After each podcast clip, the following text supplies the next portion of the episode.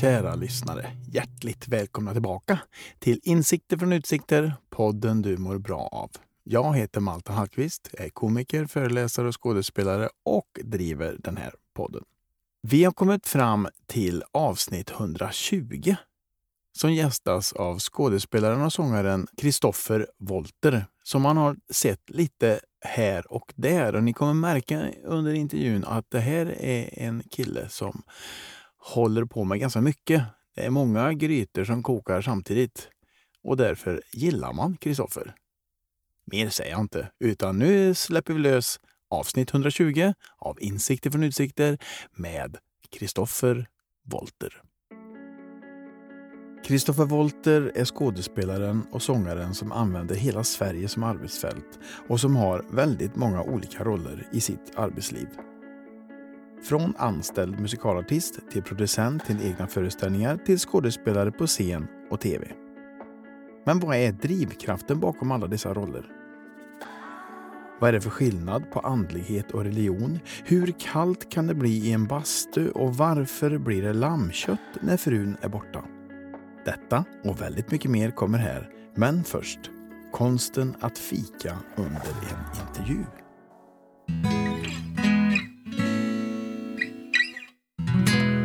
Men det här kanske inte är så bra.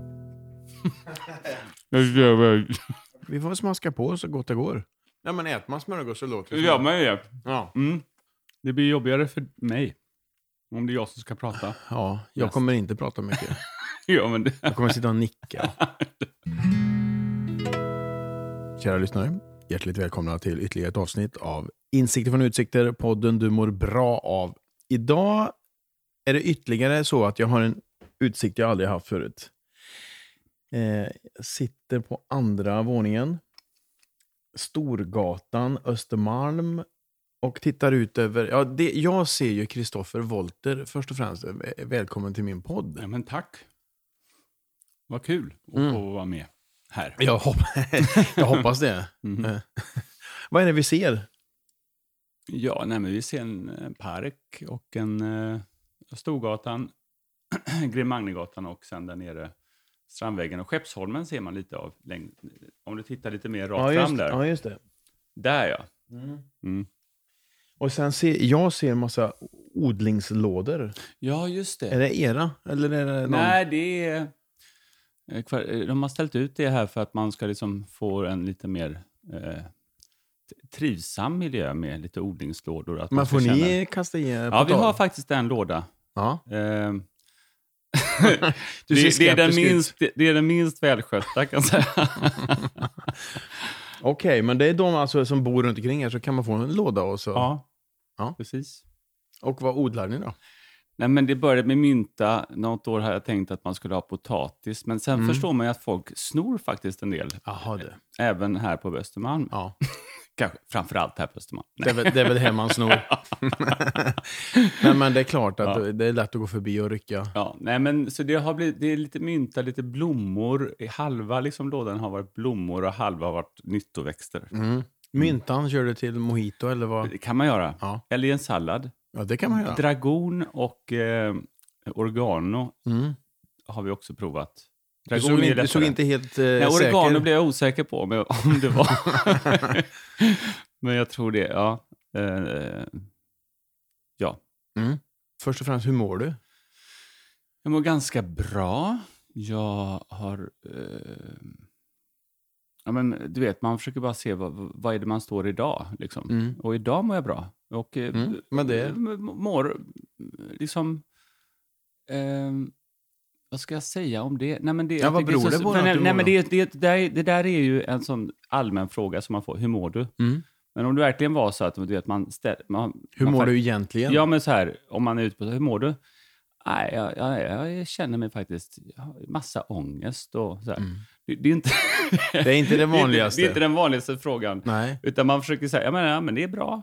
Mm. Eh, Eller, det är Men i den här podden så skulle du kunna säga så. Ja, just här, här tar Ja. vi hand om det i så fall. Ja, jag fattar. Nej, jag har ingen ångest. Eh, och jag eh, tycker att livet är ganska eh, härligt. Och just nu, som idag, så ja, men det är liksom späckade schem, späckat schema. och de, alltså jag ska inte säga att jag mår bättre när jag har jättemycket att göra, men, jag, men, då, men då känner man ju en annan form av... Eh, jag känner det i alla fall, en annan form av mening. Eller att, man liksom, man är, att jag är på gång och att det händer saker. Och det, det, det är alltid... Ja, för Jag, när jag, kom, gillar det. Ja, för när jag Mm. kom här så berättade du, innan vi slog på här, eh, så uttryckte du dig, du sa roller nu, men att du har en massa olika hattar på dig. Att, Mm. och du såg ganska nöjd ut när du sa det. ja. Ja, du tänker på att jag producerar också? Ja, du producerar, Ja, du och mm. sjunger, du Mm. står på scen, du Mm. filmar. ja, Mm. Du, du gör mycket olika saker. Mm, det gör jag. Eh, och det har väl blivit så, plus att jag också från att jag gick eh, utbilda mig eh, har känt att jag har en bredd liksom i mig på något sätt. Att jag, det har varit sång och skådespeleri och även nu senaste tio åren eh, producerar och tycker om det här med marknadsföring och tycker om Mm. att föra ett eh, frö av en idé till verklighet. Eh, det, det tycker jag är djupt meningsfullt när man sen märker att idén fungerar och Mm. får fäste. Mm. Ehm, och det är ett, också ett fint komplement till det andra. För I vår bransch är det så lätt att man ska stå med mössan i hand och liksom vänta på att telefonen ringer. Och, och när den inte gör det, ja då kan man göra andra saker. Mm. Eh, Ja, då får man ju skapa sin egen verksamhet. Ja, och det, jag tycker ju nästan det är ännu mer, eh, på, ett, på ett sätt mer meningsfullt Mm. eh, än att man mm, får en roll. Eh, och det, det, kan, det kan ju vara fantastiskt det med. Men, men jag tycker om eh, kontrasten mellan dessa två känslor.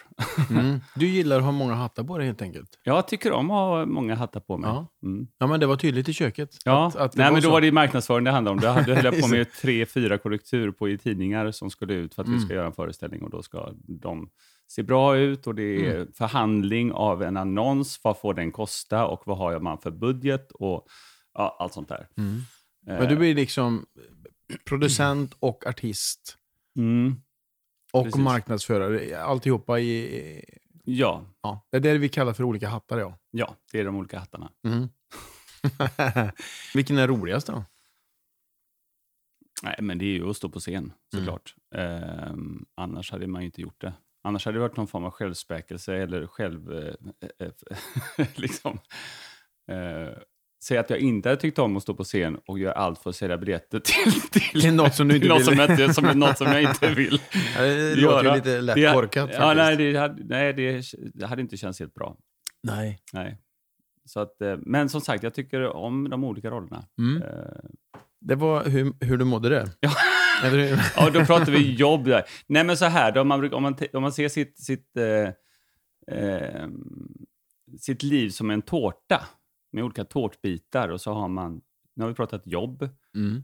och så har man en familj, Mm. eh, barnen mår bra, min fru mår bra, eh, eh, vi mår bra i familjen, så då, det är ju en bra check på den. Sen var det sociala, kompisar och sådär. Mm. Ja, men mm, bra. Liksom. Mm. Det, Du hinner med. ja, men li, ja, nu gör jag det, för Mm. nu, är det, mycket- nu är det lugnare. Mm. Ehm, och sen är det det här med fysisk hälsa. Så här. Just det. Mm. Och då har jag, varit, jag har gjort den här klassiska efter nyår. Köpt mig ett gymkort och Ja. börjat träna. och det, må, det mår jag ju bra av. Ja. Liksom. Ehm, så. Kör du gym eller vad gör du? Ja. Mm.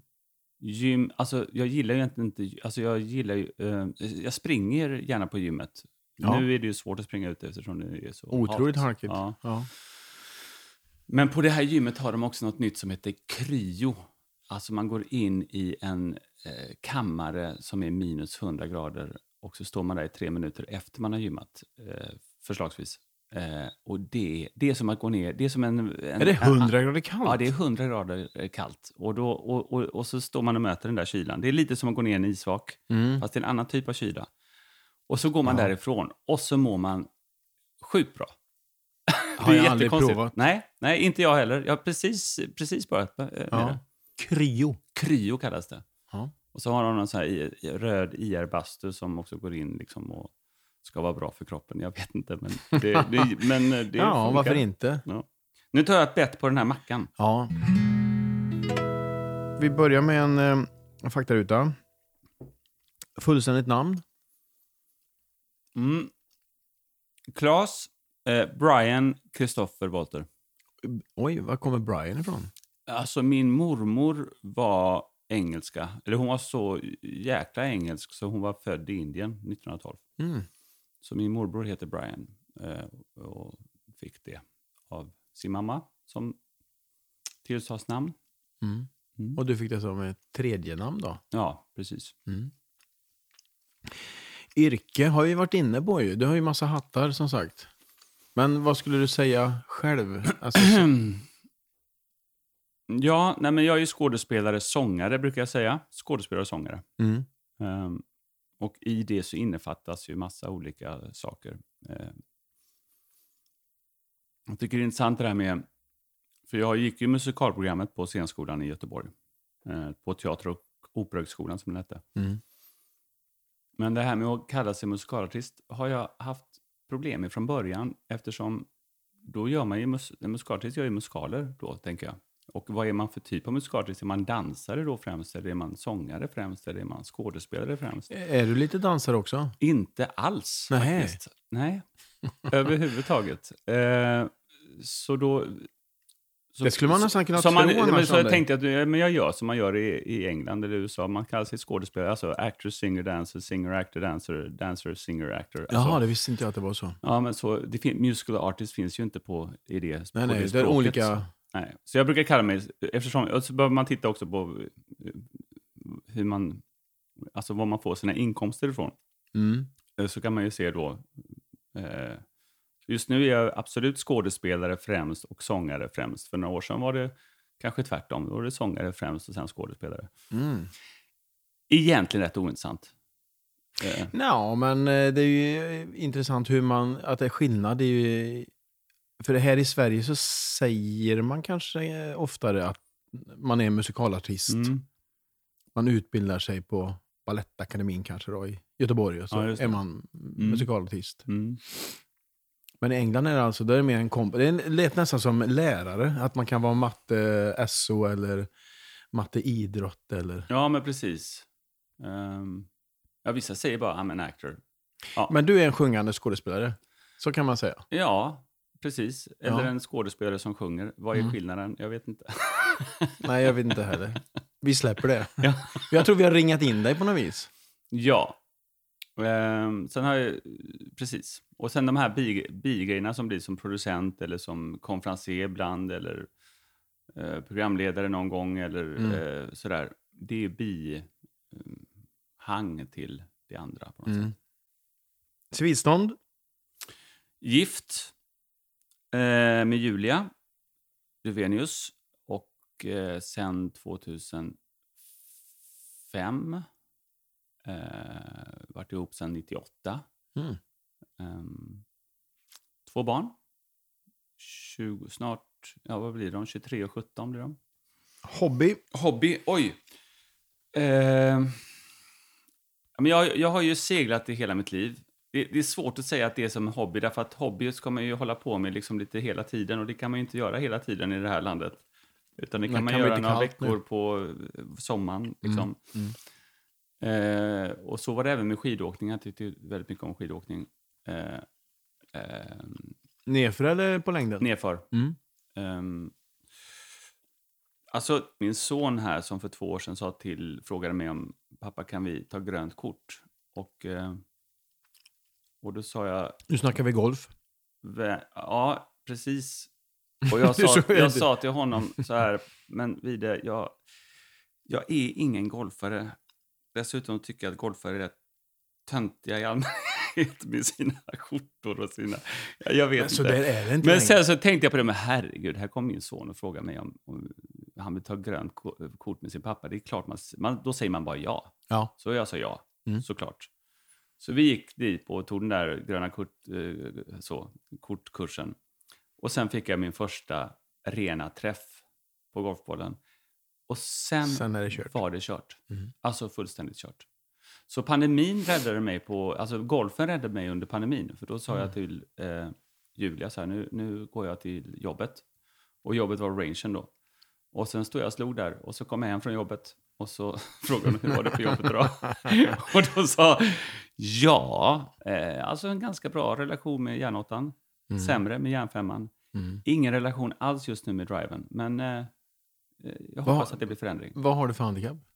Nu har jag 14,5. Det är bra ju. Så jag har eh, jobbat ner mig. Ja. Okej, eh, dricker helst? Eh, jag är ju eh, barnsligt förtjust i cola. Mm. jag tycker cola är väldigt gott. Och så, Ja. så jag har det, den ständiga kampen i mig att ska man då dricka Cola Zero som har aspartam i sig eller ska man dricka vanlig cola Mm. som har typ 11 sockerbitar i sig? Vad blir det? Nej, men det blir ändå Cola Zero. Alltså Mm. det, det, framförallt nu när metabolismen har eh, sjunkit ordentligt med åldern. Så, Ja, vanlig riktig cola, eller vad ska man nu kalla det? det ja, man, då lägger man på sig. ja. Äter helst? eh, eh, eh, Okej, om jag måste välja en, en maträtt. Mm. Lamm. Oj, Lätt. det är ju rätt så speciellt. Jag älskar lamm. Ah. Bästa jag vet. Eh, Delar du det med familjen? Inte alls. Nej, Det är därför så fort Julia åker iväg, då, då, då köper jag lamm. då är det lammkött in. Det låter ju inget bra. det, Julia gillar inte lamm. Eh, Men eh, då kör jag och sonen framförallt. Mm. Nu har ju dottern flyttat ut, så att det är bara jag och sonen kvar. Här. Jag har försökt flera gånger. Jag och min fru. Lamm, det går inte. Nej. Det kanske ska tillagas på något speciellt sätt. Ja, då. men det, man kan ju göra det med olika ingredienser som tar bort lammsmaken. Men den vill jag inte ta bort. Det är den jag gillar. ja. Det Eh. smakar lite ull. Nej, det behöver inte smaka, smaka ull. Vi, vi, vi pratar inte får här. Vi Nej. pratar lamm. Okej. Och när, nej, men när man tillagar det där på rätt sätt så blir det ju fruktansvärt gott. Mm. Alltså en lamminnefilé eller en, en lammkotlett eller en eh, ja, lammragu går också bra. Mm. okej. Älskar lamm. Mm. Mm. Det får du. Tack.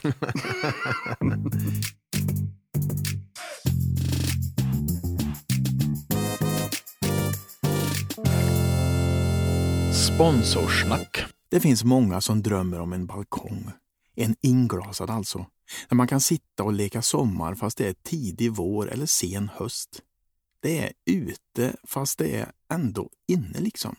Man behöver inte fundera på om det regnar eller är kallt ute, man går ut ändå. För bor man i en lägenhet så kan det ju vara lite instängt och dagar man är lite seg eller inte känner sig riktigt helt frisk så kan man ändå lätt komma ut och få lite frisk luft. Balko heter ett gäng som skapar såna här ytor. Balko stavas med C förresten. De gör både öppna balkonger men också då inglasade. Och jag var med när de invigde sina nya lokaler här i Karlstad. Jag fick på riktigt nästan en chock över så fina balkonger de gör. Ljusa och luftiga och flexibla. Ja, jag har fått betalt för att säga detta men det är ju sant också. Och det känns ju bra att få betalt för att man håller sig till sanningen. På scen kan jag ibland stå och hitta på vad som helst och ändå få betalt. Hur som helst, Balko och deras balkonger öppnar för så många möjligheter. Lite vardagslyx skulle man kunna säga. En plats för avkoppling och återhämtning eller varför inte en plats för fest.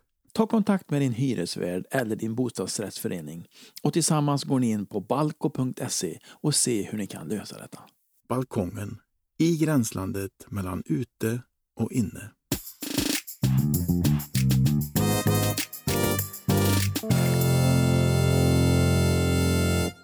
Du, jag tänkte vi skulle ta det från början. Ja. Mm. Född i Uppsala, Mm. men där bodde du inte länge. Nej, två och ett halvt, tre år. Ja. För du är en, sk- du är en skånsk pojk. Det Vilken där är så suck. svårt. Ja, men det där är så svårt att veta. Jag känner mig absolut inte som att jag är Uppsalabo på något sätt. Och det, eftersom jag knappt har några minnen därifrån. Eh, men sen flyttade jag vi till ut i skogen. Jag tror det var någon form av eh, eh, Gröna vågen-grej som man gjorde på 70-talet. Eh, och så bodde vi liksom ute i en bokskog med gård och... Men det här är utanför Lund någonstans? Ja, utanför, på Romelåsen heter det, utanför Vebröd. Ehm, och det, där, var liksom, där hade vi hästar och en, ja, en getabock och fasaner och kycklingar. Och, alltså, så här. Petson-tillvaro på ett sätt. Eh, Var det men sen- kollektiv eller var det er familj bara? Nej, det var bara vår familj. Ja, mm. Ja. Och sen, så, sen skedde liksom den stora förändringen. Det var när vi flyttade till Lund när jag var tio, gick i fyran. Alltså flytta in till stan? Ja, mitt inne i stan i Mm. Lund. Då. Och för mig var det jätte, jättebra. Det var liksom, Inga pelikaner då? nej men framförallt var det inte, det var som Veberöd var inte, det var inte så mycket man kunde göra där. Det var en fin liten by, men det var liksom fotboll och Mm. fotboll och Fotboll. fotboll. Mm. Eh, och liksom hände inte så mycket. Men, är du en eh, fotbollskille? Nej, det ska jag inte säga. Jag tycker Nej. om, jag, sen spelade jag faktiskt fotboll i Lund också lite, men nej, jag ska inte säga att jag är en fotbollskille. Jag tycker om att titta på fotboll Mm. väldigt mycket, men eh, nej. Men sen var det, det var bordtennis var det också i, där som jag spelade mycket. Eh, där i, i Veberöd. Um, men kom in till Lund och i min klass så är det fyra stycken killar som sjunger i gosskör. Och jag bara, what?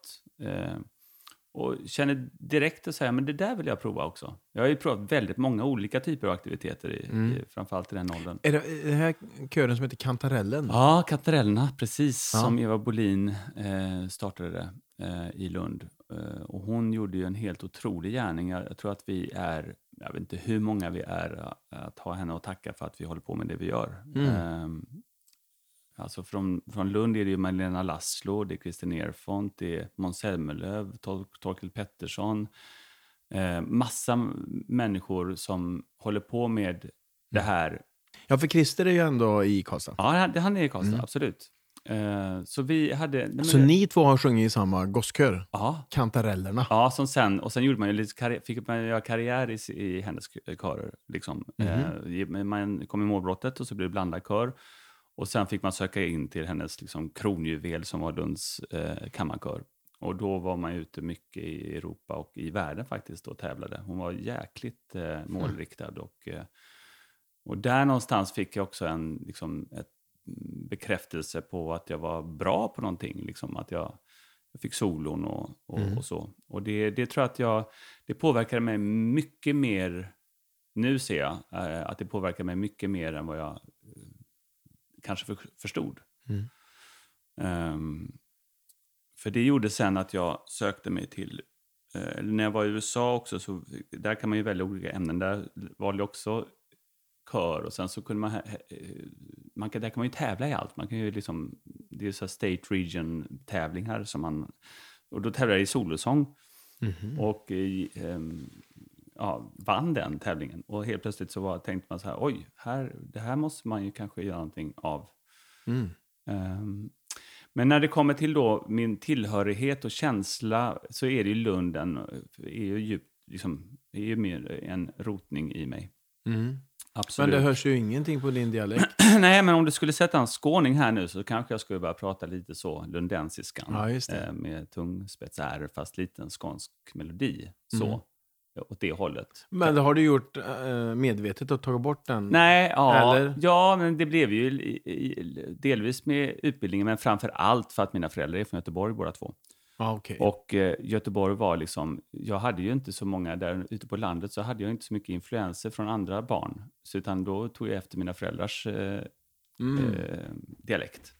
Så du har aldrig riktigt pratat så djup skånska? Nej, det har jag aldrig gjort. Nej.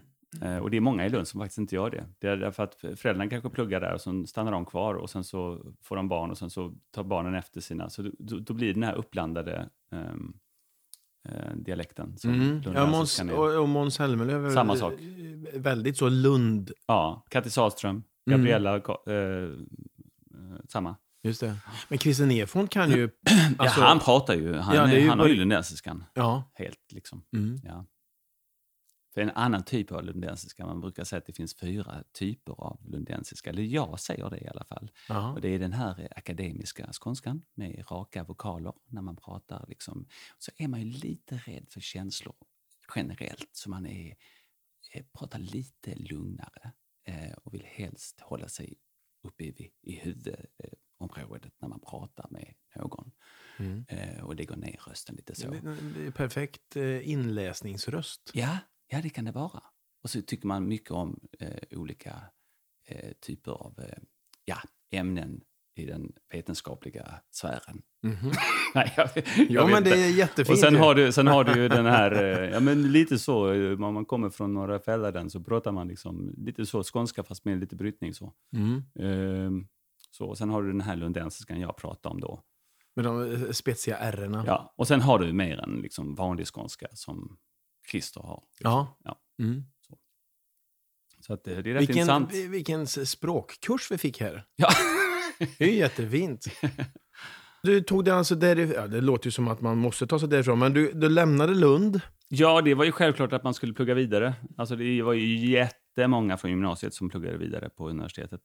Ja, Ehm, men eh, jag, backar lite grann till Mm. den här kören ändå, som väckte någonting i dig. Att du, eh, dels att det var eh, kul att sjunga och att du var bra på någonting. Ja, och, Och att sen, du och det kände- gav mig självförtroende sen att söka det. För de gjorde en, alla niorna gjorde en musikal, eh, alla Lunds nior skulle göra något gemensamt projekt. Och då var det en musikal som var nyskriven som heter Arken och som man sökte till. Och där fick jag den liksom, ja, manliga huvudrollen i Mm. den. Och då fick jag också en, någon form av, nej men, eh, då hade jag för- förtroende, självförtroendet i sången. Men skådespeleriet hade jag inte provat, så fick jag prova det lite där.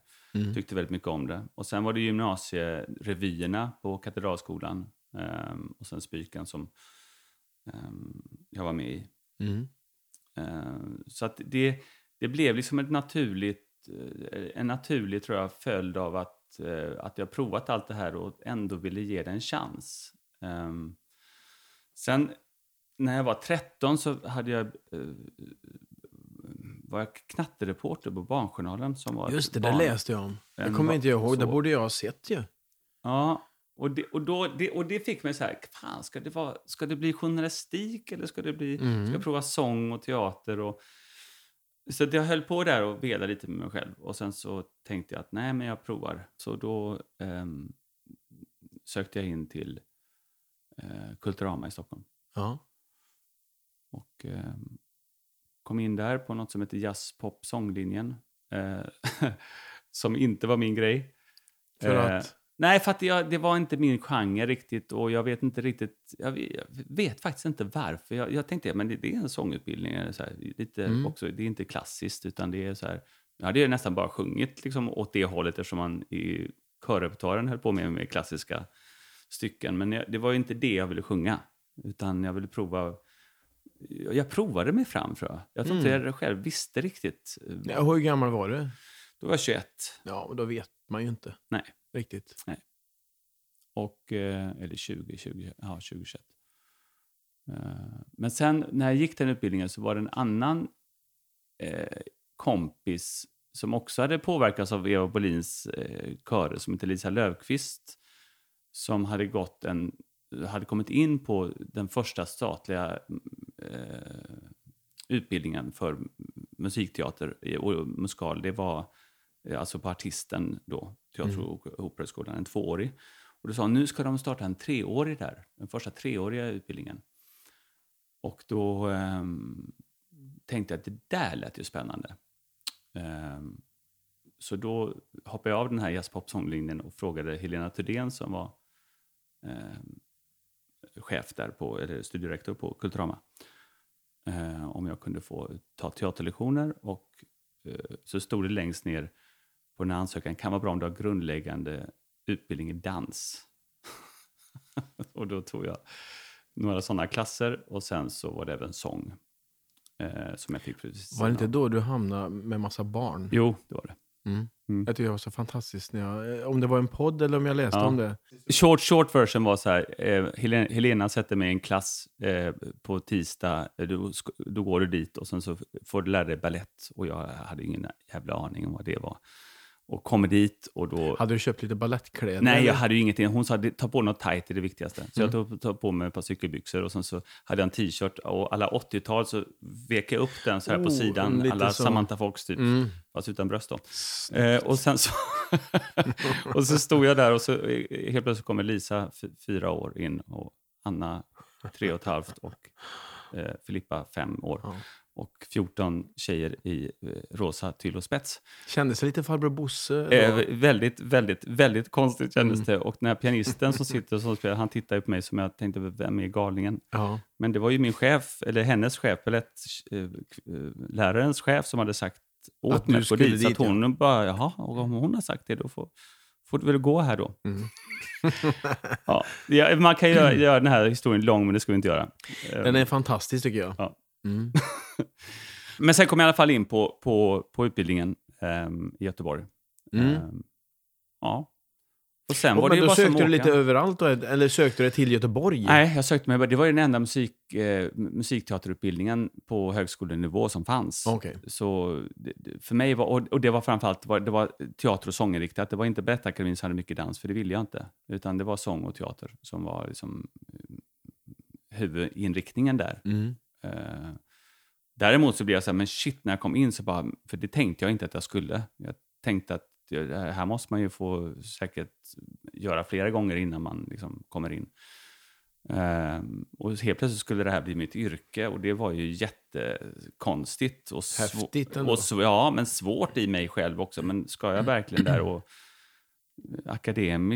akademiska liksom, tankar, men borde jag inte och så. Men sen ganska snabbt så, så tänkte jag bara det måste ju finnas en mening med att jag kom in och då Mm. får jag köra. Liksom. Mm. Och det har ju gått bra.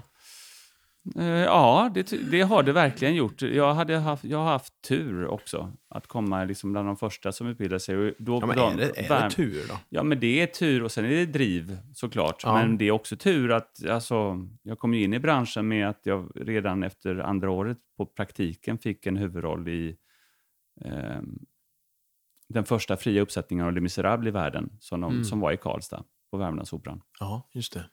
Eh, och fick göra Marius där. Mm. Så det var ju verkligen en, en eh, väg in i branschen eftersom det var många som såg den och som åkte upp och var nyfikna. Mm. Eh, och sen, och, och, sen rullade det ju på liksom, Mm. efter det. Ja, för läser man om dig, typ på Wikipedia, så är det ju en enorm mängd uppsättningar du har hunnit va- vara med i. Både på scen och på tv. Ja, Och så även det här med, med ditt möte med Jacques Brel. mm, precis. Mm. Men, men det var, där var det någonting som... Det, det är intressant, för, för jag, jag pratar mycket om här Eva Bolin, jag pratar om Mm. Jag vill också nämna där Ferro Veres som var professor på, på scenskolan som redan efter projekt i första årskursen gjorde Tjechov eh, en pjäs. Eh, man fick ju grundutbildningen, man gick ju tillsammans med, det var ju en stor klass på 14 pers och sen var vi sex i musikalklassen och åtta i skådespelarklassen. Och efter det så kom han fram till mig och sa, vet du vad, du, om du vill så kommer du kunna eh, liksom, eh, jobba både som musikalartist och som ren skådespelare. Du har det i dig. Och hur viktigt sådana Mm. liksom såna saker kan bli för en. Att någon säger det som... Jag var ju helt grön när jag kom in. Eh, och hur det satte sig i mig. Mm. Och min vilja till att eh, försöka bredda mig så mycket jag kunde. Ehm, sen kan det, branschen ha problem med det ibland, att man, man gärna vill sätta, en, en, I fack, ja. eh, sätta Mm. den i fack. Ja. Mm. Så jag ha- hade det redan från början egentligen, den här Mm. känslan att jag vill inte välja genre här, utan jag vill, jag vill köra brett. Liksom. För du nämnde ju förut i gymnasiet när ni fick eh, testa att göra musikal. Var det Ja. va? Var det Ja. gymnasiet eller var det senare? Nej, ja, det var i nian. Mm. Nian så var det Mm. ja. Och att det var första gången du testade på skådespeleri och att du gillade det. Mm. Vad, vad var det du gillade? Nej, men jag tror att det inte, jag kände, jag kände inte så jättestort motstånd i det. Nej. Däremot när man sen gick på Spiken och såg de svartklädda teatereleverna så tyckte jag att de var rätt liksom, pretentiösa och konstiga och eh, svåra och tyckte att Mm. nej, när teater är allt annat skulle jag säga. Ja, tänk Ja. att jag håller med dig till 100 procent. Mm. Det, är Eh. inte, det är inte att vara svår, Nej, utan det är att vara Spe- ärlig. ärlig och specifik.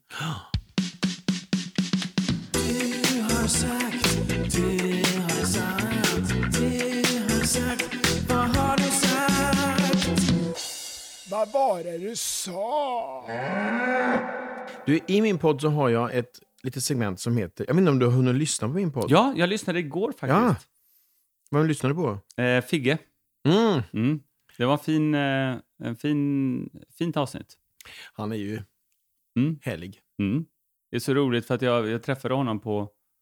När jag var på Teater Brunnsgatan och gjorde en pjäs. Mm. Eh, av Martina Motelius, då var han där. Jag tror det var i samma veva som jag... För han, jag fick nämligen också frågan om Let's Dance. Eh, I den... Mm. Jag undrar om det inte till och med var samma år. Men... Eh, eller om det var året jag kommer inte ihåg. Men han sa ju så här, han var, hade naturlig fallenhet för dans. Mm. Och du har ju sky- skyltat med att så kanske inte ligger till för dig.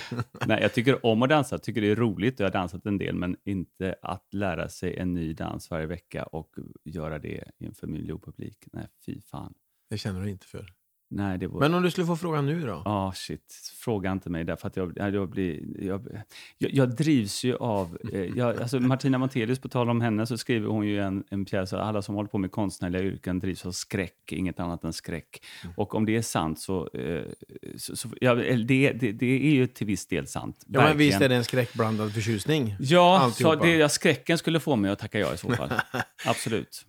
Men jag eh, är jag tror driven inte av skräck. Jag är driven av skräck, fast det blir ju jävla... Det, det, på tal om pretentiöst så kan det bli jävligt pretentiöst när man Mm. säger så. Men och Jo, så är det ju. Om det bara är det så tror jag att det blir jävligt svårt att leva. Eh, jag hoppas att det finns några portioner lust i det också. Jo. Ehm, Ja, det- men då, om det är någon som lyssnar på det här som har med uttagning av Let's Dance att göra så, så är det ändå en dörr som är lite på glänt hör jag. Skräckblandad Ja, nej. öppning. det vore något. Ja. ja, Vi får se, Kristoffer. Ja, det var- Jag skulle tycka att det var jätteroligt om du var med. mm. Och Då är det hela Kändis-Sverige bakar bättre och bättre. Det är, Har du varit med det- där? Jag ska vara med där nu. Ja, men det såg jag ju på fejan. Det, det, det, är med, det, det passar mig bättre. Ja. Det, är så här, det där är jag, inte- det är jag inte heller bra på, men det gör ju ingenting. Därför att det blir en annan typ av eh, rolig tv. Just det. Och Shirley Clamp såg jag också skulle vara med. Hon har ju varit med i podden här. Just det. Men det är inspelat och klart. Ja, det Ja. Och det kommer eh, i början på sommaren, där, eller hur brukar det vara? Nej, det börjar nu, nästa 7 mars. Mm. Mm. Nu ska vi se då. Som sagt, i den här podden så har jag en liten sekvens som heter Du har sagt. Så jag har Mhm. hittat lite citat av Kristoffer Wolter som jag Okej. tänkte du kunde få förklara för mig. Spex är inte min grej. Nej. och här får man, kommer man få äta upp massa saker. Nej, Mm. det var inte det. I Lund var det ju de här spex, alla spexen som skulle... eh, Alltså det var ju Lundaspexarna och så Mm. när man sen pluggade. Och det var ju flera som höll på med det där även innan. Och det, där fanns ju som Johan Wester och Anders Jansson. Hipp och Hipp, gänget. gänget Mm. och så här. Men där kände jag mig aldrig riktigt hemma. Eh, Vad beror det på då? nej, men för komisk timing inte. tycker jag du verkar ha. Ja, jag var väl rädd för det helt enkelt. Eh, Den där och- skräcken Och, igen. ja, och, då, och, då, och då, då triggar den inte mig som den kanske gör idag. Mm. Eh, men eh, eh, nej, det var, det, var inte, det var inte min grej. Jag tyckte inte att jag hade den ådran eller kun, eh, liksom begåvningen helt enkelt. Mm. Men skulle du säga ja till e- en sån komisk roll nu? En komisk roll är någonting helt annat än spex. Ja, du mig. menar så ja. Okej. Mm. Mm. Så att det gör jag gärna. Och Ja. sen är det om det är situationsbaserad komik eller om det är karaktären i sig som är rolig. Det är det som är det, Mm. liksom, eh, att man, att man, eller som Buskis är, liksom, att det är karaktären i Mm. sig som är knas. Liksom, som, eh, att man har den begåvningen. Eller att man, då, då gör jag hellre situationsbaserad komik. Eh, Ja. Så. Typ fars och sådär. Ja, men det precis. Det har jag Mm. ju provat på lite. Ja. Det är en ganska rolig form att spela kan jag tycka. Ja, men det är det. Inte Ja. lika roligt att titta på. Jo, om den är bra. Ja, jo, men jag kan, jag, jag kan känna att det kliar i kroppen på mig på något vis. Ja, du vill upp och visa hur man ska Nej. göra. Nej, det är bara det där... Det är ju liksom farsens ingrediens i och för sig, att publiken sitter med alla svar och så springer det runt massa folk på scen som inte har koll på helheten. Och det ljugs och det... Mm. Det är någonting i det som jag tycker är jobbigt. är jobbigt. Mm. Mm. jag fattar. Vi tar nästa citat. Jag är inte längre ateist. Nej. Mm. Har jag sagt det? Ja. Öppet. öppet i Ja. en podd. Jag tror det var Bastupodden. Okej. Nej, men det är jag inte. Nej, men jag, eh, jag skulle nog säga att jag nästan var en stolt ateist innan. Att Mm. jag tänkte att allting, det kan inte vara någonting, finnas något större eh, än mig själv, vill jag säga. Eller liksom, inte än mig själv, men alltså att jag, hade svårt att tro på någonting större än mig själv. Ehm, men idag är det helt annorlunda, ska jag säga. Vad har hänt då? Nej, men det är ju kriser man genomgår i livet, eh, eller som jag har genomgått. Eh, och med kris så sker det ju ofta någon form av fundamental förändring i en, när, om man går igenom krisen. Mm. Och det gjorde det med mig. Och jag... Eh, att den här, alltså den här bilden av att man... Alltså ateismen är så här... Om, om jag tror mig själv styra mitt liv, kunna styra mitt liv helt och fullt eller kontrollera mitt liv eller vad det nu är. Och så blir det inte som jag har tänkt mig. Vems fel är, vems fel är det då? Det måste ju vara mitt. Eftersom jag, om jag nu tror mig ha kontroll över mitt liv Mm. så måste det vara jag som gör fel. Och där är jag inte idag. Jag tror att det absolut, så jag öppnade mig bara för tanken att det kunde finnas något större än mig själv. Och helt plötsligt när man gör det och börjar söka i det så fick jag i alla fall massa svar på att det... Vad fann du för något? Jag fann en, en kontakt, jag, jag, idag kallar jag nog det för kanske eh, att man öppnar sig för sin intuition. Mm. Att våga liksom, och det handlar om, det kan vara att som i vardagen ta ett beslut. Man får till exempel fråga om ett jobb. Och så bör, om jag börjar gå upp i huvudet och tänka, liksom, här, ja, det och så gör jag en plus och minuslista och eh, vad är det bäst, mest förnuftiga här nu? Kontra att jag faktiskt försöker öppna upp till min, mot min intuition och försöker liksom bara känna in, vad är, är det här något jag verkligen vill göra i hjärtat? Mm. Då tror jag man kommer i kontakt med betydligt djupare och högre st- strömningar Mm. som, som besitter ett svar som blir mycket bättre för mig. Ehm, och när det kommer till ateism så är det ju också en tro. För vi vet ju inte varför vi är här. Nej, det är därför så. det heter tro. Det är därför det heter tro. Mm. Så att du, om man säger jag tror inte på, nej, men då, har du, då tror du ju på inte. Ja. Att du inte tror. Mm. Alltså, Ja, men så, det, Ja. Den tanken har slagit mig många gånger Ja. också. Det är ju att, Ja. att vara ateist är ju att tro på inte. Och i Sverige är det lite, kan vara lite svårt ibland att prata om tro. För, all, för jag tror det handlar om att inte blanda ihop, för mig handlar det om att inte blanda ihop andlighet med religion. Mm. För religiös är Vad menar du med det egentligen? Nej men alltså en religion är ofta byggd på en dogm. Alltså Ja. en, är, byggd på väldigt tydliga ramar kring vad som är rätt och fel och så. Medan andlighet är ju, den, för mig i alla fall, den djupt personliga tro och känsla inför något större. Mm.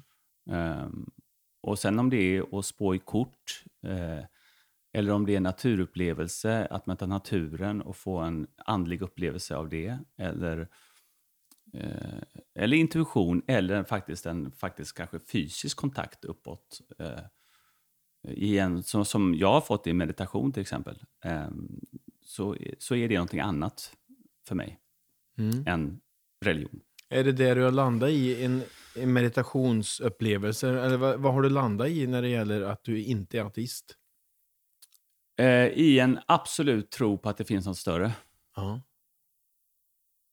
Är den korta, det korta svaret. Mm. Och det som är större, vad är det då?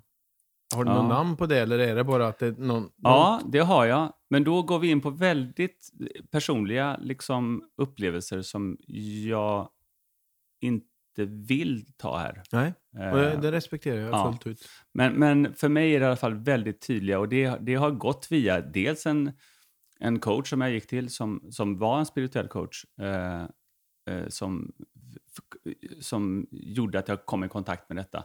Men idag försöker jag göra det enklare för mig själv. Det räcker med att bara sätta mig ner egentligen och ta tio djupa andetag och bara lugna mig. Och liksom, för jag har ganska högt inre varv. Mm. Eh, bara stilla mig och bara öppna upp inför liksom, min andning Mm. för mig är det ett väldigt enkelt sätt att nå någon form av eh, eh, eh, lugn eller kontakt. Eh, och, och, nu välj, och jag väljer att kalla det kontakt med något, något större. Liksom. Känner du till Claes Hallberg? Ja, eh, lite granna. Ja, han har ju någonting som man eh, kallar för korvtekniken. Mhm. Och det är väl för, oss människor som har ett högt inre varv. Mm. Ja, då sätter man sig ner på en stol Mm. och så bara, eh, det som kommer upp i huvudet Mm. Tänker man på en liten stund. Mm. Och så slänger man det. Mm. Ungefär som eh, de här korvarna i en butik. Tar man ett paket korv så kommer Mm. nästa fram. Ja. För det ligger ett inre tryck Mm. bakom. Just det. Och han påstår då om man övar på det här 20 minuter om dagen, eller lite till, att man bara, eh, vad det nu kan vara som dyker upp, att nu skiner solen, ja så tänker man på det ett tag, bort med det, kachung, eh, saknar av mormor, ja mm, Mm. jag saknar det, kachung. Mm. Så, Mm. så kommer det ett inre lugn av Mm. det, att man tillåter alla känslor och alla tankar, men Ja. man, man fastnar inte i något, utan man, man kastar åt Man sidan. att. Det, är Ja. precis, det, det här är ju en annan form av meditationsform. Alltså att det, jag Mm. släpper vidare eh, sina tankar hela tiden. Alltså de invaderar oss. Liksom. Mm. Och ibland invaderar eh, liksom, negativa tankar också. eh, I Absolut. form av ältande eller så. Ja. Som inte betalar hyra för att vara där. Liksom, för att släppa vidare. Mm. Eh, så det är ju det är en... Eh, whatever works, tänker jag. Ja. Sen är det också en annan sak i det att eh, jag kunde innan då känna mig oerhört ensam i vissa lägen. Alltså Mm. otrolig ensamhet eh, någonst, alltså någonstans. Och det gör jag inte idag. Tack Eh, vare meditation. Ja, tack vare eh, att öppna upp för tanken. Att vara villig att öppna upp för ta- tanken att det finns något större än dig själv. Mm. För om du får den kontakten, då är det, när jag har fått den, så är det helt solklart att, att det finns något större än mig själv. Mm. Och sen är det upp till oss att definiera det, Mm. sin egen tro. Eller, Mm. Det betyder en del för dig, ser jag. Det gör det, absolut. Och det, och det kan ju egentligen vara, det kan också vara så här att man, för mig kan det vara så här en, en eh, att man, man, man träffar kompisar en helg och bara liksom hänger med dem. Det kan ju också vara så här för mig, det är också någonting större än mig själv. Gruppen blir större än mig själv. Mm. Eh, och i, i det gemenskap, liksom. Mm. Det, är ju...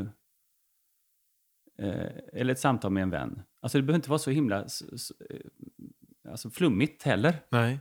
Utan det kan vara väldigt konkret. Mm. Ehm, ja. Vi tar nästa citat. för annars så kan vi sitta och prata om det hur länge som helst. Tror jag. Ja. jag älskar bastu. ja, det gör jag. Ja. Men så är det så att det finns ingen bastu i detta hus. Va? Nej, gör det inte. Hur löser du det då? Jag bygger den. Ja. du sitter nästan och lovar mig. Jag, skulle, alltså, jag tänker nu, jag skulle, man skulle kunna bygga en i källaren faktiskt. Ja. Eh, så why not? Nej, nu har jag ju mitt gym som jag kan basta i. Mm. Nu är det en annan typ av bastu. Nej, men jag minus älskar... 100 i den bastun tydligen. Ja. Det verkar inte vara så skönt. eh, kryobastu. Ja. Eh, nej, men ja, det gör jag. Jag älskar kontraster. Över generellt i mitt liv så älskar jag kontraster. Mm. Eh, eh, Vad beror det på tror du? Jag vet inte. Det- Därför man får uppleva två ytterligheter av en känsla. Liksom. Mm. Och när man går in så älskar... Alltså så här då. Min bästa bastuupplevelse är när jag går in i bastun. Det får gärna vara typ 80, men att man kör mycket mer sån här eh, vatten. Ah, Och sen blir... så och drar man på det så mycket så att det till slut börjar skapas en hinna eh, som gör att du nästan börjar... Det blir så varmt va, så att du nästan börjar känna att du fryser. Mm. Ja. När, när, när du är där i den, då går du ner i vaken. Ah. Ja. Och då försöker du ligga där så länge.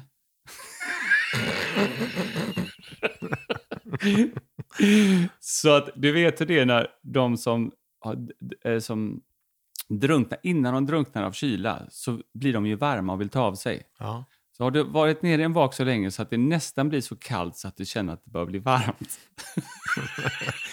Eh, vi vi vill varna känsliga lyssnare och gör inte det själva utan se till att ha någon god Ja. kamrat i närheten. Och det är det svåraste. Det är mycket enklare med den, med den första. Den andra är mycket svårare att komma till därför att det är, är så jävla kallt. Så att, Har du kommit måste- dit någon gång? Ja, någon gång kanske har jag gjort det. Att jag ligger nere så mycket att jag tycker att nej, fy fan, nu är det så alltså, fruktansvärt kallt att jag nästan ändå inte känner någonting så att det nästan blir som en Det låter ju inte helt sådär hälso... Nej, jag vet, jag vet. Alltså, men om, om, om man ska dra det till sin extrem så tycker jag att ehm, det är otroligt skönt bara med kontrasten. Mm. Eh, Ytterkanter på något vis. ja, det är härligt. Mm. Det är samma sak med seglingen. Alltså om man är ute och seglar och det, man går igenom en kuling och liksom och sen kommer man in bakom en skyddad klippa så är det helt lugnt. Mm. Alltså där, det finns ju ingen bättre kontrast. Nej. Otroligt härligt. Det var utvecklingen av att jag tycker om bastu. Mm. Det är underbart, eller hur? Vi tar ett sista citat. Jag tror det här handlar om det här huset. Mhm. På vinden fanns en energi som inte var så härlig, men den försvann. Halva jag tror på den. Halva inte. Nej. Nu är vi inne på andlighet igen. Ja, det gjorde vi, men det gör inget. Eh, nej, men det här är ju jävligt märkligt och här är jag ju väl... Här, det, det, här, är jag dubbel. Mm. Jag kan tro på mycket, men vissa saker, det får inte gå för... Det får inte bli för flummigt. Men, Varför, vad händer då? då? nej, men alltså vi hörde ljud alltså, som vi inte kunde förklara Ja. under Tildes rum där. Och, och det var grejer. Och Tilde kom ner och sa att hon hade sett en gestalt. Och Tilde är inte särskilt liksom... Känner inte att hon, hade särskilt, alltså att hon hade mediala förmågor innan. Men så var jag uppe där och, och i det hörnet, alltså som blir det sydvästra hörnet av huset på vinden, så var det läbb, läbbig energi. Det var inte kul. Nej. Eh, det var någonting med den. Medan nere var det hur lugnt och fint som helst. Och sedan, alltså, två, alltså nere på bottenplanet. Så, ehm, så ja, jag, halva jag tror på det och halva tänker att Vilken halva är det som tror? Ja, det är en bra fråga. Det är väl den där, det är väl den där halvan som faktiskt öppnade upp för att det Ah. kunde vara, finnas någon större än dig själv. Men det känns som att det är hela du nu. Ja, nu är det hela jag. Men sen i detta då så ska det finnas så här. Eh, nej men... Ja, det där är svårt. Just när det kommer till spöken Mm. ser man det. Men det är på, på alltså min, min svärmor på, eh, menar, hon var chef för Stora Teatern i några år och eh, såg alltså såg saker Mm. där. Och då är frågan, är det, kan det då vara så att de har öppnat upp eller har en förmåga att göra det? Men jag har inte det. Ungefär som, eh, som jag tyckte, för 20 år sedan tyckte jag att aura, vadå, vad fan, vad fan är en aura, sluta med det där aura. Nej men det är inte så konstigt, det är ett energifält som omger dig och vissa har förmåga att se färgen på det, det energifältet och andra har inte förmåga att se det. Eh, och eftersom jag uppenbarligen inte har förmåga att se ett spöke, men min dotter tydligen gjorde det, Men du ändå har förmågan att känna av energier.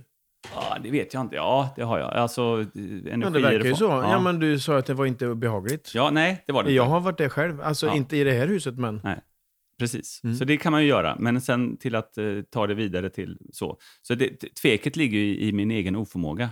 Mm. Det är ju där... Och jag tror också när du ändå har öppnat upp för att det finns något större än, än det du kan begripa, Mm. så är det nog ingen väg tillbaka. Nej, Utan, just det. Mm. Jag tycker det kan vara härligt att det kan få vara så. Sen så vet ingen. Nej. Men det kan få vara så. Absolut. Och det, eh, jag tror att vi, vi, vi är i en kropp eh, eh, med vissa förutsättningar och en hjärna. Eh, och- att tro att, att det är vi som är någon form av centrum av världen och att det är vi som har möjligheten att se allt eller inte se allt. Alltså, Mm. att det är vi som ska... Det, det vore ju dumt om det var så. Att, om det inte finns andra dimensioner. Vi låter den här dörren vara öppen. 100 procent. Ja. ja. Det blir mycket roligare också. Visst gör det Mycket, det? det blir mycket roligare att Ja. leva. Ja. Och också att man kan släppa, ja, men det är också kunna släppa ifrån sig saker som man inte behöver. Hallå, kan du ta hand om det här nu? Mm. Jag vill inte ha hand om det. Mm. Ja, släppa vidare. tyckte du sa det så fint med tankar som inte betalar någon hyra. Ja, Bort med dem. bort med dem. Ja. Mm. Mina damer och herrar, det har äntligen blivit dags, inte bara för mitt och Maltes favoritmoment här i programmet i podcasten, utan jag gissar för er allas. Det har blivit dags för Tombolan! Nu, Kristoffer, har du en tombola här. Okej. Vad inspirerar dig? Eh, förändring. Eh, eh, inspirerar mig. Jag, jag, jag, tycker det, jag älskar historier med folk som har tagit sig igenom svåra saker och kommer ut på andra sidan. Mm. Ehm, det inspirerar mig jättemycket. Ehm, och det är kanske där, jag har inte så många idoler, men jag, jag får väl erkänna att jag har två då. Mm. Den ena bor jag faktiskt granne med och kan se in i hans, i det huset där.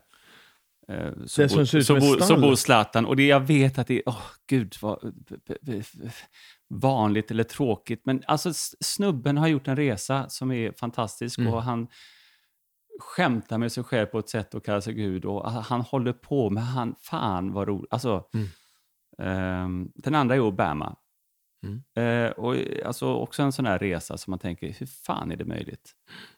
Ehm, nu har de kanske inte gjort de resorna som handlar om att det är stora kriser i sig själv, för de är ännu, egentligen ännu mer eh, inspirerande för mig. Så förändring inspirerar mig jättemycket. Mm. Och ytterligheter verkar det som. Mm. Men det kanske är Mm. att gå fr- igenom en förändring. Ja, En, en kuling. Ja. Och, och det, ehm, det, det... Och det handlar såklart om mig då, eftersom jag själv eh, har gjort en resa. Ja, Mm. vad är det för resa vi pratar om? Är det något du vill, kan berätta eller? Eh, nej, men det är en resa där jag var tvungen att, vända på alla stenar inom mig själv och det inneslöt massa års terapi och gruppterapi och eh, sådär. Och det eh, gav mig en eh, nya glasögon och ehm, fick en... ehm, jag, gick, jag, jag upplevde att jag gick upp från en uppdelad personlighet till en hel personlighet liksom, Mm. i det. Eh, och viss Hur många förändring... år sedan är det här? Eh, 2009, 10, 11 där någonstans. Mm. Och det är annan typ av förändring, det kan vara en inre förändring. Men, och de här som jag pratar om är ju en yttre, alltså man ser också en yttre förändring, någon som har tagit sig från eh, Rosengård till liksom Barcelona. Eller Mm. eh, ta, sig från vars förälder är född i Kenya och ta sig och bli USAs president. Ja, de där resorna. Men jag jag där är jag ju lite, kanske lite na, naivt barnsligt förtjust i sådana där historier Mm. Eller Forrest Gump eller vad det nu kan vara för Mm. sånt där. Jag tycker att ja, det inspirerar mig jättemycket. Mm. Vi tar en till. Mm. Ehm, det bästa tipset du någonsin fått?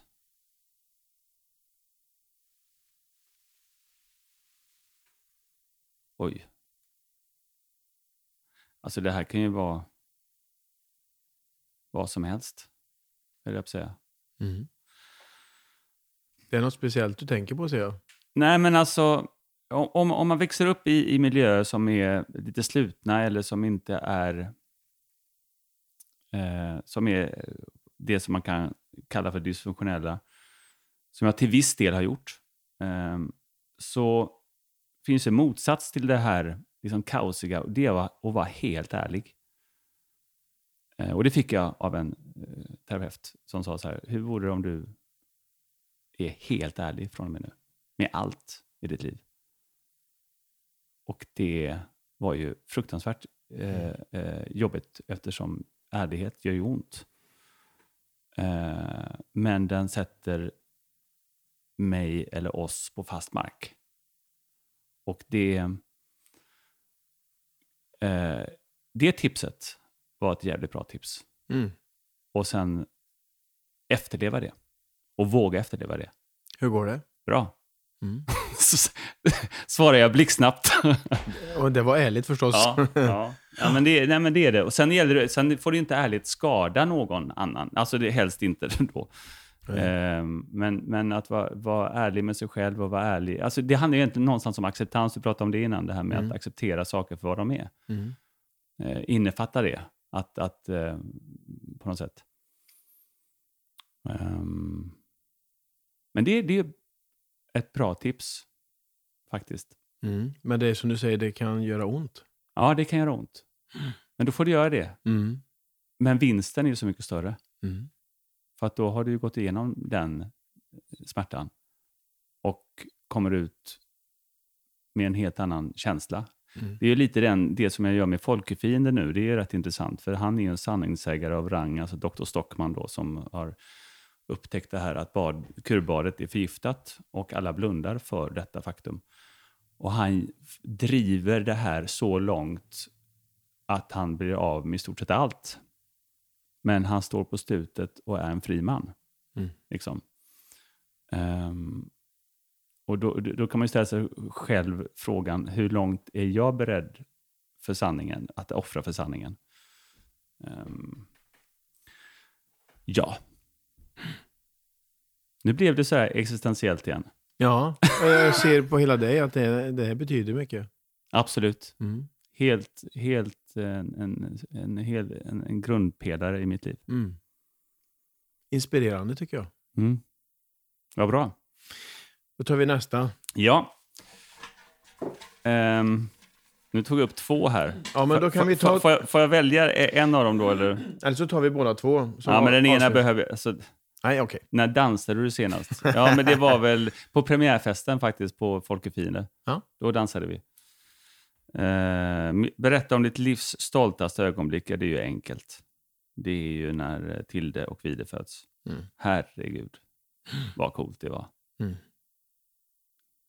Finare blir det ju inte. Nej. Nej, fy fan vad coolt. Ehm, De är födda... 00 och 06. Mm. Ehm, och det är ju det bästa man gör i livet. Och det kostar ingenting.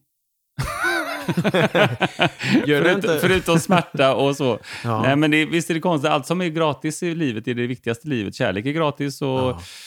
eh, barnen är kostar Alltså så här, om man ska. Nej, men det är ju det. är, då, är man, då, är otro, då, är man, då är man ju otroligt stolt. Mm.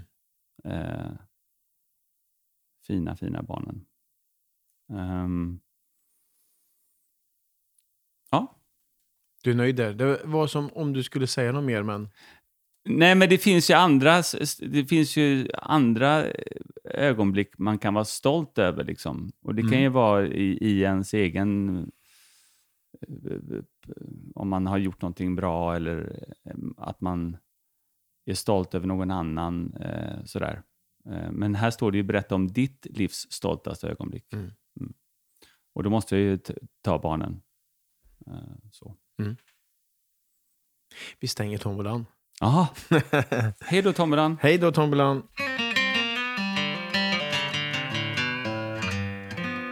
Avslutningsvis. Eh, det här är en, en fråga jag brukar ställa faktiskt, men det kanske känns ännu mer eh, aktuellt till dig som ändå har så många hattar på dig. Vart är du på väg? Det är en jävla bra fråga.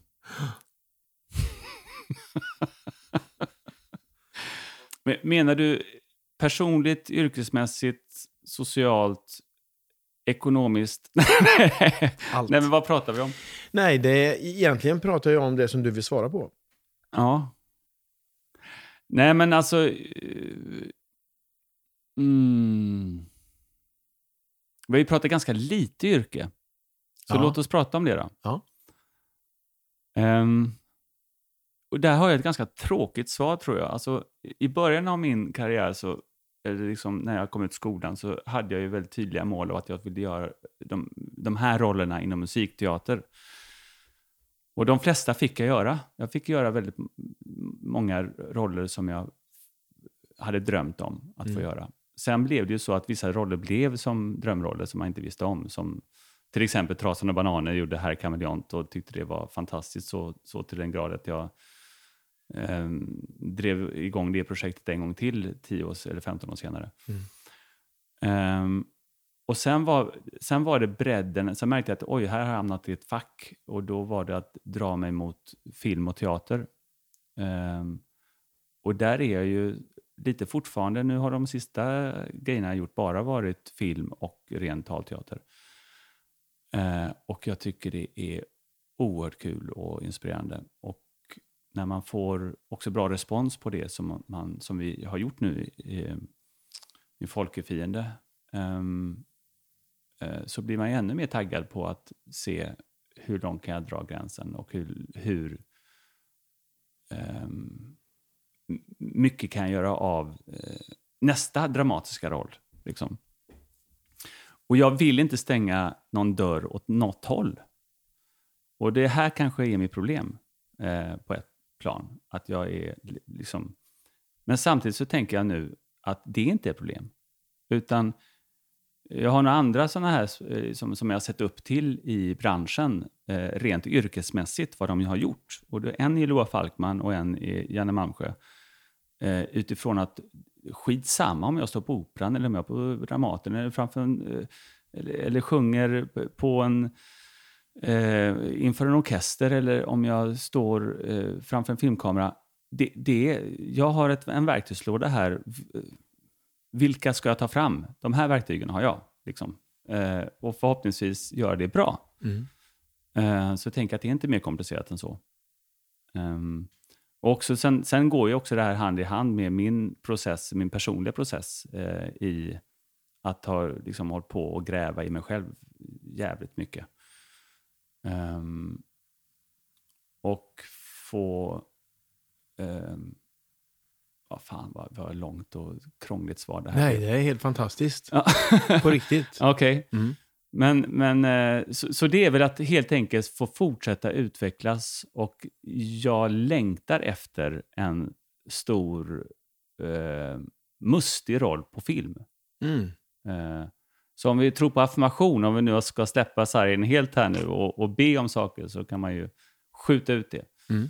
Um, um, för tio år sedan tror jag att jag sa, eh, jag fick den frågan, ja men det är att jag ska kunna välja fritt mellan musikal, teater, film.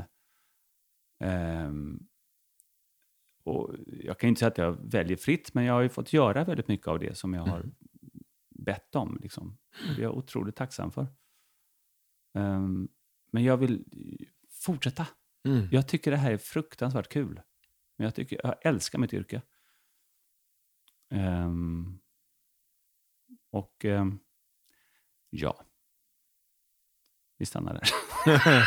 Fint. Ja, du behöver inte be om ursäkt för att du kände att det var krångligt svar. Jag tycker det var fantastiskt. Och hela det här samtalet, tusen tack för att jag får sitta här. Dels med en fin utsikt men också med massa dörrar som lämnas öppna. Jättefint. Ja, men tack själv. Nu har vi inte ätit upp. Nu har vi, vi har bara kommit till frallan. Vi har ju två bullar kvar. Vi får ta tag i den nu. Tusen tack. Tack själv.